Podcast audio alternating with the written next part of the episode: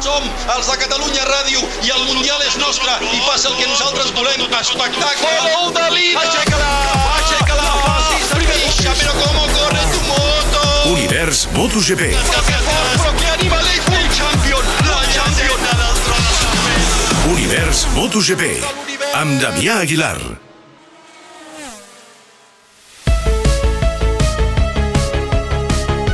Yamaha ha promogut el britànic Jake Dixon a MotoGP aquest cap de setmana perquè ha d'omplir una plaça a l'equip SRT Petronas. Dixon corre amb la formació a Moto2 i el seu millor resultat és un quart en 40 curses a la categoria mitjana. És una acció molt arriscada, però és que Yamaha té l'aigua al coll. I've had a few sleepless nights, yeah. Um, it's definitely excitement. There's so much excitement to go through, but also it's, it's nervous times, you know. I'm not expecting anything from myself. It's just a massive learning curve. Um, I'm coming from never riding a, a MotoGP bike. That everything is so different. Des que ho vaig saber que m'ha costat dormir a les nits, diu Dixon, em fa molta il·lusió però estic molt nerviós, no espero res, és només un moment d'aprenentatge brutal. No he pilotat mai una MotoGP, tot serà diferent, miraré de fer el millor que sàpiga i gaudir-ne. Univers MotoGP. Hem d'anar una mica enrere. L'equip Yamaha SRT Petronas va oficialitzar la seva formació de MotoGP de cara al Mundial 2019 amb Franco Morbidelli i Fabio Quartararo amb motos no oficials. L'aposta pel francès va sorprendre a tothom amb un currículum a Moto2 d'una victòria i un podi. Doncs, contràriament a les previsions, Fabio esclata amb 6 pols i 7 podis la seva primera temporada, mentre que Franco no passa de la cinquena posició. Això canvia els plans, i els Petronas li compren a Fabio una moto A per al 2020 i deixen Franco amb la moto B.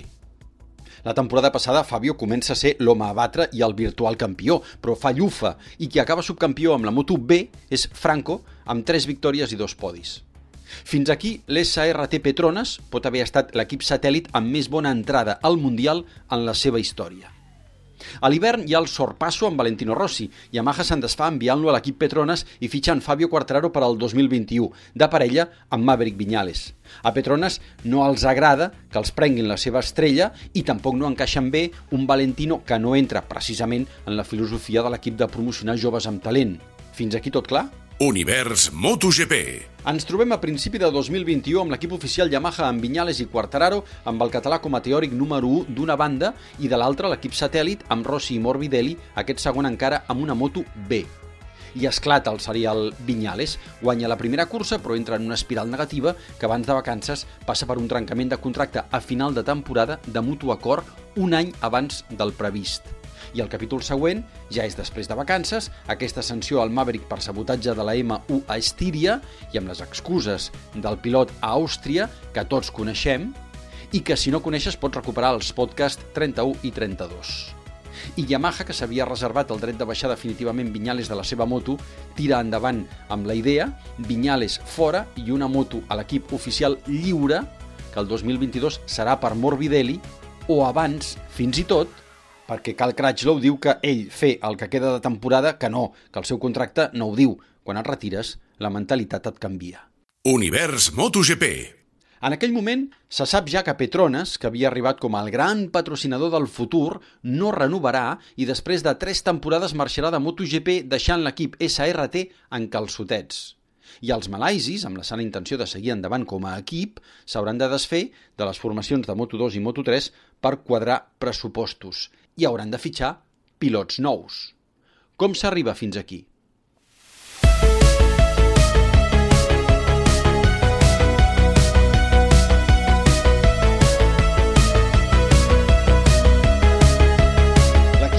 SRT Petronas ha intentat sense sort fitxar Raúl Fernández, el segon classificat de Moto2.